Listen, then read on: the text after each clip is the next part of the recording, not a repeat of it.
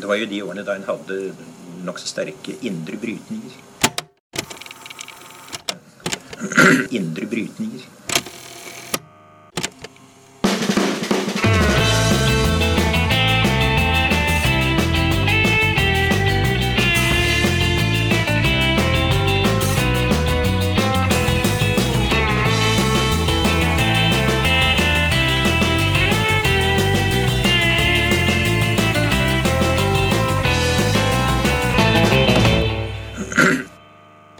Hei og velkommen til Noen har snakket sammen, Agenda Magasin sin podkast. Jeg heter Aksel Fjellavli.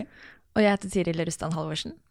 I dag eh, skal vi snakke om eh, naturen. Eh, mer, mer, spesifikt så skal vi, litt med utgangspunkt i en del ekstreme naturhendelser som har vært de siste ukene, snakke om hvordan naturen påvirker politikken, hvordan klimaendringene påvirker hvordan vi tenker rundt, rundt samfunnet til å hjelpe oss med det, så har vi med oss Tarje Iversen Vanvik, som er klimaforsker ved Norse, og dessuten medlem av eh, Tankesmien Agenda sitt akademiske råd. Vi kan jo begynne å, å, å spørre litt om eh, ne, nesten det naturvitenskapelige her. Nå vet jeg at du er mer innafor samfunnsforskning-biten her, men bare for å sette ei eh, ramme. De flommene som vi har sett nå, nå tenker jeg både på det som er knytta til, til eh, liksom røde flomvarsel i mange deler av landet nå. Eh, vi så et stort og ganske dramatisk skred i Alta for et par uker siden med hus som raste ut i, i havet. Det var vel snakk om noe kvikkleire i, i, den sammenhengen. Altså, Disse typer naturhendelser har jo eh, truffet oss så lenge vi har vært her på jorda, men er det annerledes nå? Nei, altså Det er jo riktig at vi har levd med flommer i, i Norge de, aller fleste steder eh, over mange mange hundre år, så lenge vi har vært der. Eh, men det er jo ikke uten grunn at myndighetene opererer med, med altså årsbestemmelser for, for, disse flommene. Sant? Altså Tiårsflommer, 50-årsflommer, 100- og 200-årsflommer. For Dette gir jo en indikasjon på hvor ofte vi kan vente oss eh, at elvene går over sine bredder, eller sånn som på Vestlandet, at elvene graver ekstra i svingene og tar med seg jordmasser, stein og grus. For ikke å snakke om infrastruktur, sant, som veier og hus og andre materielle verdier. Um, nå derimot så er disse kategoriene i ferd med å bli reviderte. Og vi er nødt til å forholde oss til helt nye normaler. Sant? Sånn at det som vi, vi i dag kaller for 200-årsflom, det kan inntreffe langt hyppigere. Uh, og at det vi i dag kaller 200-årsflom, må økes da, med, med, mellom 20 til 60 uh, i forhold til hvor mye nedbør som faktisk kommer, og hvor, hvor, mye disse elvene vokser utover sine bredder. Ja, ja, fordi man kaller det 200-årsflom fordi det i teorien skal inntreffe hvert 200 år. Riktig, sant? så det betyr at da før så kan man, kan man regne med at en 200-årsflom den ble kanskje opplevd av enten hver fjerde eller hver åttende generasjon. sant? Uh, mens nå så kan vi plutselig risikere at hver eneste generasjon får oppleve en 200-årsflom. Og da kan vi jo ikke lenger kalle det en 200-årsflom. Sånn at, eh, og, og, Samtidig som de virkelig store hendelsene, som da kanskje bare blir opplevd oppleves over 200 år, de vil være mye mer dramatiske enn det vi har opplevd så langt. Mm. Og i Norge så er det kanskje våtere. Eh, vi vil at klimaet og været blir våtere, som vi vil merke. Ja, det er litt både òg. For altså, på Vestlandet vil det definitivt bli våtere. Eh, det vet vi helt sikkert. Det blir mellom 20 og 40% mer nedbør. På Østlandet derimot er det ikke sikkert at det blir sånn. Det har jo vært en del eh, regn eh, på Østlandet nå eh, grunnet eh, litt sånn endrede vindretninger og sånn, men, men, normalt sett så havner jo Østlandet i, i, skyggen og vil som egentlig prognostisert få mer tørke enn det, enn det de har hatt til nå. Men på grunn av de store nedbørsøkningene her vest og i fjellet, så vil jo det meste av det falle som snø eh, når det kommer høyt nok opp. Og det vil kunne utløse ganske store vårflommer på Østlandet. Eh, som også da vil være en, ikke en ny situasjon, men det vil komme hyppigere enn før. Sånn at det å være Altså Kornkammeret vårt, sant, som er da Østlandet og, og de store jordbruksområdene, de vil kunne gå, i møte en ganske tøff tid altså, fremover. Mens i Nord-Norge så det er det ingen av delene. I Nord-Norge er, er, det varmere og, og mer permafrostsmelting som er det store problemet. da. Mm.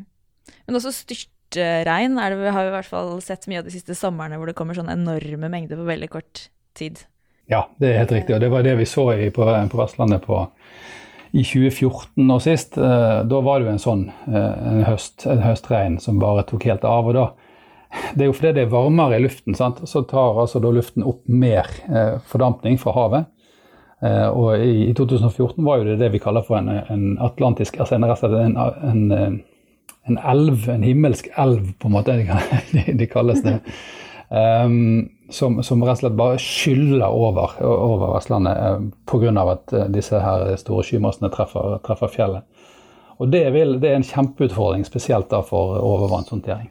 Ja, fordi overvann er jo et stikkord uh, i den, det temaet vi egentlig tenkte å snakke med deg om, nemlig hvordan man uh, tilpasser eh, samfunnet og hvordan vi bygger og bor og lever og produserer mat kanskje også til, til denne, dette nye været, hvis man skal kalle det det, det nye klimaet. Um, og der har jo du forsket en del på dette og skrevet flere artikler. Hva, hva skal man gjøre istedenfor, slik som man har bygget i dag, kanskje nærme vassdrag og bygget eh, om elver og, og, sånne ting? Ja, altså Når det gjelder overvann, så er det egentlig ganske stor enighet om løsningene. Og det, det er i hovedsak to tilnærminger eh, til problemet som, som vi prøver oss på. Det ene er den tekniske løsningen som vi har en tendens til å falle ned på, som innebærer å oppgradere eksisterende vann- og avløpssystemer sant, til en ny normalstandard. Den andre løsningen den er mer naturbasert. Sant, og går på å tilbakeføre deler av de landskapstypene som tidligere håndterte overvann på en mer dynamisk, naturlig måte.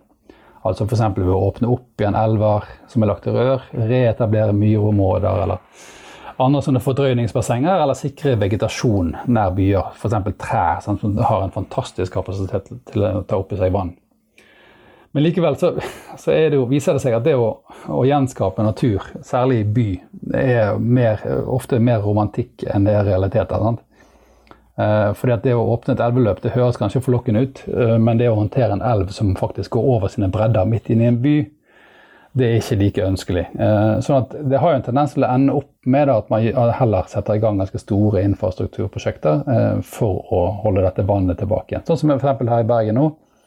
Når vi skal da sier vi skal åpne en elv, eh, men ender opp med å lage et lite pent vannspeil på toppen og en kjempesvær kulvert under.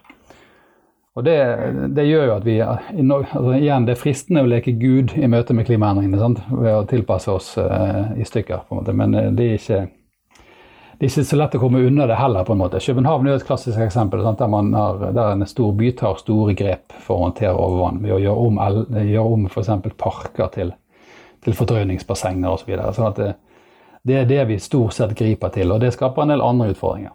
I København så er vel eh, kanskje noe av bakteppet den, den, store regnflommen. Det var vel i 2015. Eh, vi hadde jo også Kristin Halvorsen her i podkasten i forkant av forrige kommunevalg, og snakke om kommunene sin, sin uh, Egentlig litt, litt, av det samme temaet som nå, da, kommunene sin tilpasning til uh, et klima i endring. og der snakka hun om hvordan det mye var sånn at kommuner med erfaring med naturhendelser, de var flinkere å tilpasse seg enn andre. hvordan kan man liksom pushe pushe disse tingene her uten at man må ha brent seg først? Ja, Det er et veldig godt spørsmål. Jeg driver akkurat nå og intervjuer eh, NVE og, eh, og eh, dette Direktoratet for samfunnssikkerhet og beredskap. og Det viser seg at de aller fleste klimatilpasningstiltak i Norge er trigget av hendelser. Så jeg tror egentlig ikke det er så lett å komme unna de hendelsene som hva skal vi si, katalysatorer for endring. Mye av det klimatilpasningsarbeidet som er gjort i Norge i dag, bunner faktisk i et relativt stort ras eh, i Bergen. Hatlestad terrasse i 2005. Man prøvde seg etter 1995 og den store flommen på Østlandet. Men da var man rett og slett ikke sikker på hvor mye av dette som skyldtes klimaendringer. Så man lot være å ta det inn. Mens, mens i 2011, nei, 20, 2005 da var man mye mer sikker på at ok, nå blir det faktisk verre. Dette må vi, dette må vi borge for. Sånn at jeg tror at, at uh, hendelsesbasert og hendelsesstyrt klimatilpasning det er det vi det er den måten vi kommer til å bevege oss fremover på på dette feltet.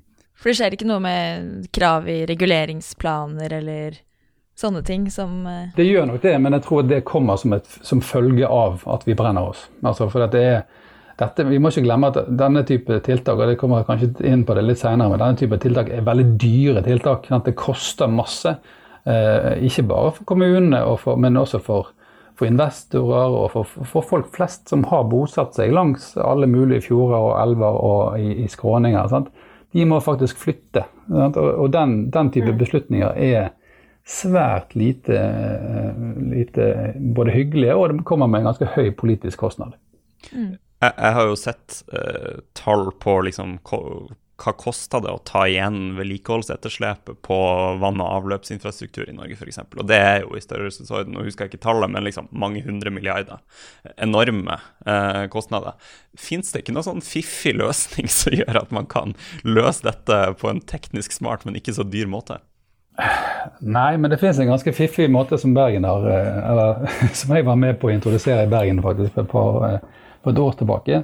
Eh, det er noe i, i kommunebudsjetter som heter konsekvensjustering av budsjetter. Altså det betyr at for hvis du har hvis du driver en barnehage, eh, så trenger du, kommunen driver en barnehage, så trenger ikke de å, å, forhandle i budsjettet sitt for å øke rammene for den barnehagen hvis det viser seg at det blir flere barn i, i barnehagen. Den samme logikken har vi nå klart å innføre i Bergen når det gjelder overvannshåndtering, altså klimapåslag.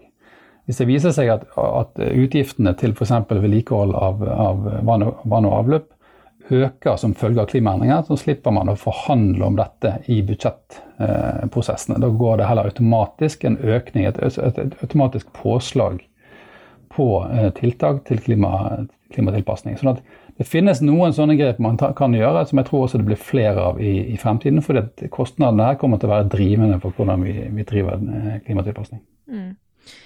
Ja, Hvem er det som egentlig tar disse kostnadene? For Man kan jo se for seg at uh, man etter hvert får veldig høye forsikringspremier for folk som har bosatt seg i utsatte områder.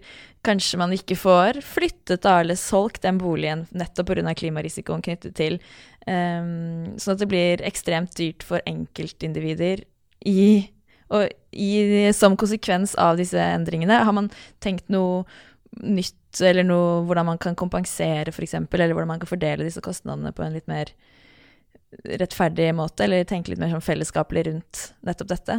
Ja, altså Vi har jo løsninger allerede i dag for så vidt på Naturskadepol f.eks., eh, som er en måte å samle inn penger for å spre ut på, på en sånn type ansvar. Eh, men det er et, en ansvarsrisiko knyttet til klima som nå er blitt en del av dette nye begrepet som vi kaller for klimarisiko, der ansvarsrisiko er en av de tingene.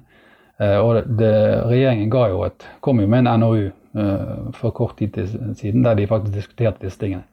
Og Det kan jo se ut som man går i retning av at man lager en eller annen form for sånn oppsamling i et basseng av, av, midler som kan brukes til, til, nettopp disse tingene. her, Og at hvis man får ødelagt huset sitt eh, i, et, i, et, område som er utsatt for hyppig flom, så får man det kompensert, men man får ikke kompensert for å bygge det opp igjen der det, der det sto før. Eh, og det er jo det man har tidligere, I tidligere tider fikk man jo bygge opp så lenge man plasserte det på samme grunnmur. Men når mm. grunnmuren din har havnet nede hos naboen, så er det litt vanskelig å plassere huset der. Så det, det kommer nok noen føringer der tror jeg, som blir, som blir annerledes enn det vi har hatt eh, så langt.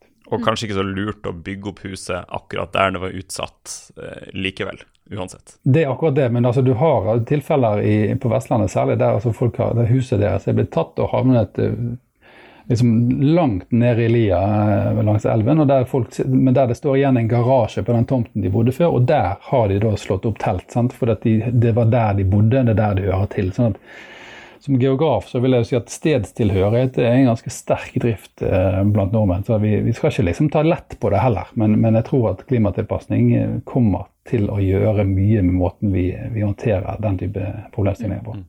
Du eh, var jo blant de som sto bak en artikkel i tidsskriftet Naturen for eh, et par år siden, der eh, dere drøfta et, et, begrep dere kaller for eh, permanent unntakstilstand. Eh, på hvordan måte er dette begrepet nyttig for å forstå altså, eh, veien framover med klimatilpasning? Er det noe man bør unngå? Den permanente unntakstilstanden? Det blir vel ganske ille uansett? Ja, altså Grunnen til at vi, vi skrev litt om unntakstilstand Unntakstilstand er jo, bare for, for, å forklare det først, det er jo en situasjon der lover og regler settes til side sant, for et høyere mål. Enten at man skal sikre sikkerheten til innbyggerne, og i dette tilfellet her da, beskyttelse mot klimaendringer. Så tilsidesetter man en del andre lover og regler som man har.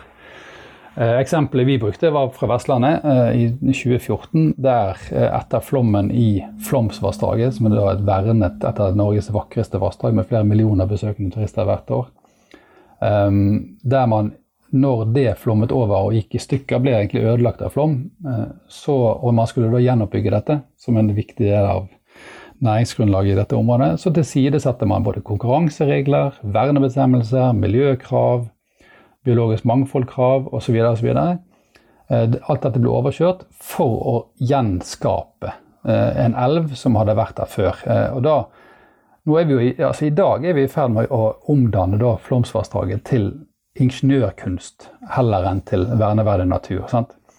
Finansiert av store og hastige overføringer til gjenoppbygging fra, fra staten. Og igjen da, sant, så blir det I møte med klimaendringer så er det fristende å, å leke Gud igjen. Sant, for at man driver og skaper elver. Eh, fordi det er jo sånn det er sånn historisk vi, vi, er, eh, vi, liker å se elven. Det er sånn den har gått. Eh, og så tar man noen snarveier for å, for å skape en, en, si, en, større forutsigbarhet i dette området. I tillegg til det så gjorde man også la man f.eks. også noe, frem noen forslag fra kommunen om å legge deler av Flåmsvassdraget i rør for på den måten å finansiere gjenoppbyggingen fra kraftinntekter fra kommunen. Sant? Som igjen de aldri hadde fått lov til hvis det var en normaltilstand, men fordi det var unntak, og fordi man trengte gode ingeniørbaserte tekniske løsninger på, på flomtrusselen, så var det større sannsynlighet for at de kunne få gjennom et sånt forslag eh, i en sånn unntakstilstand. Så det, det, jeg tror nok det er en måte vi må vi må, vi må, være, vi må være, beredt på å, å, å, se etter den type unntaksbestemmelser i håndteringen av klima. Samtidig så kan jeg jo si at, at vi ser jo andre typer utvikling også, særlig innenfor byplanlegging. Eh, Bergen kommunes arealplan for eksempel, fremstår nå mer og mer som en form for beredskapsplan for å tilpasse byen til både klimaendringer, men også til endrede klimapolitiske føringer. Eh, både fra vår egen regjering, men også fra EU og gjennom Parisavtalen. Man lager rett og slett en kommuneplan som, som, som eh, skyver foran seg en del av, av, av de kravene som nå kommer fra, fra myndighetene om f.eks.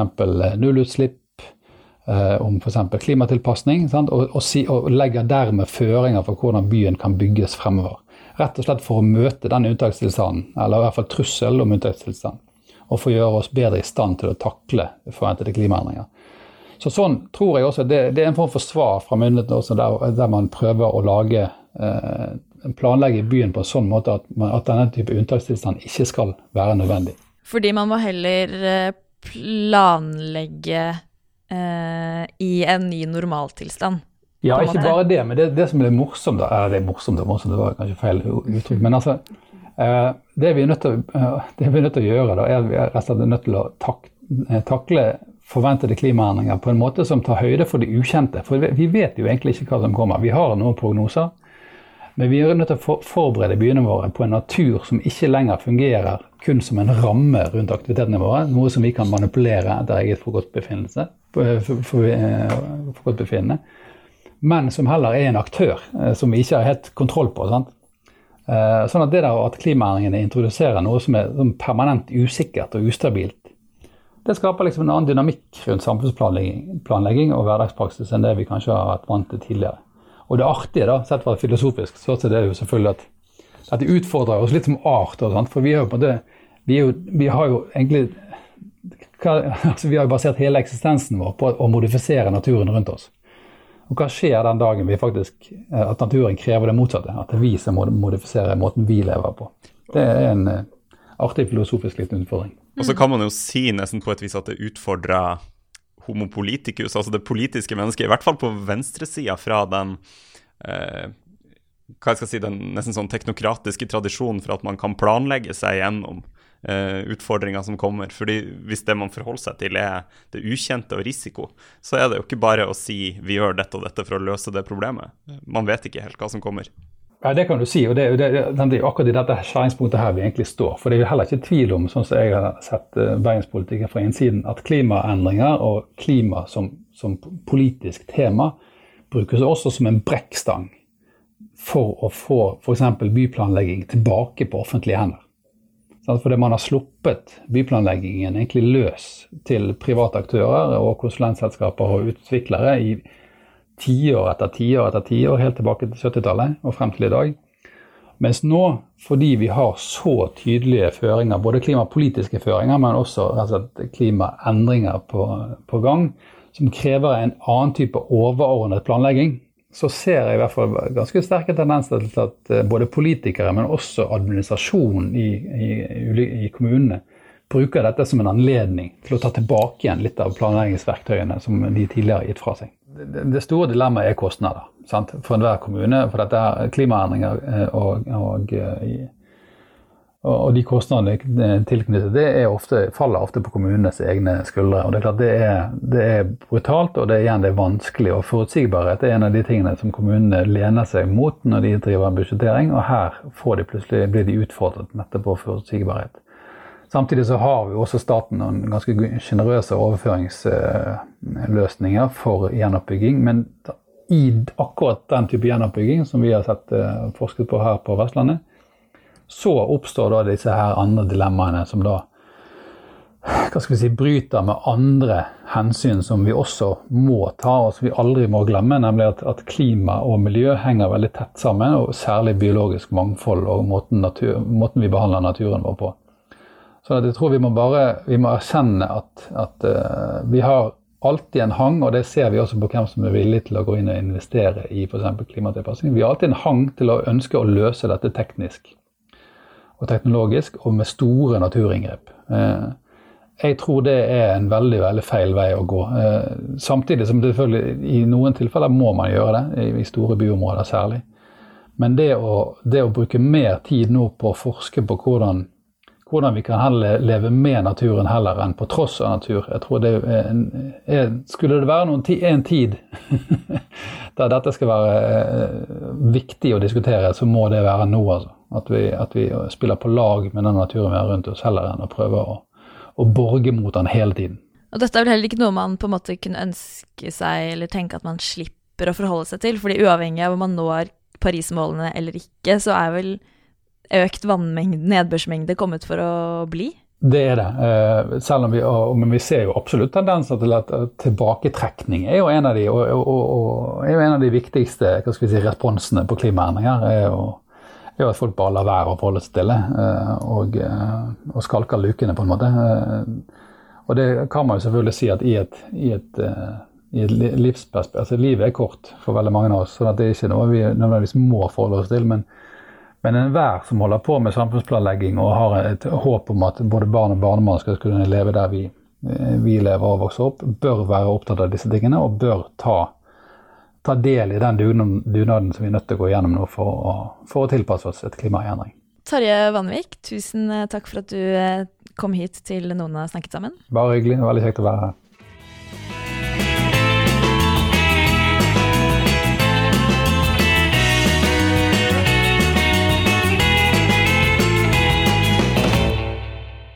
Ja, det var eh, denne episoden. Da må vi bare avslutte med å anbefale noe. Det må vi.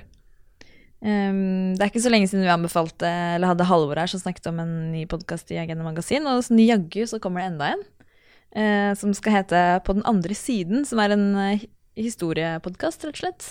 Uh, du har rett, og du, Aksel, har prata med programlederen i den, i den podkasten, du? Det har jeg.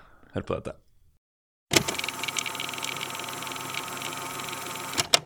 Ja, da har jeg med meg Randi Lillealteren på, på link fra, fra, Trondheim. Hallo! Du er programleder i podkasten På den andre siden, som er en uh, ny podkast. Kan ikke du fortelle litt uh, hva, hva, er dette slags podkast?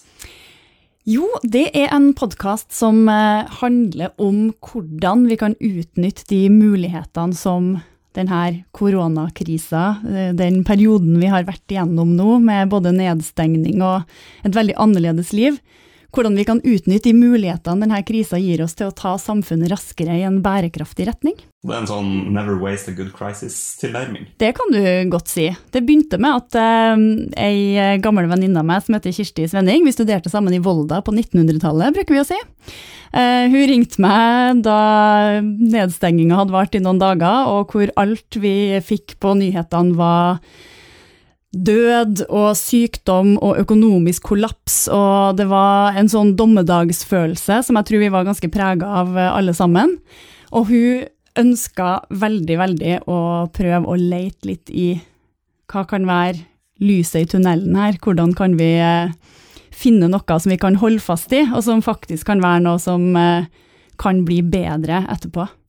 Og eh, det vi har gjort da, er at vi har snakka med masse, eller flere forskjellige kloke mennesker som på ulike fagfelt kan fortelle hvordan denne krisa som vi er nå på vei igjennom, kan eh, gjøre at eh, verden kanskje kan bli litt mer grønn og bærekraftig etterpå. Og den lanseres altså denne uken, så det anbefales. Uh, mm. Har du en uh, anbefaling til, Aksel?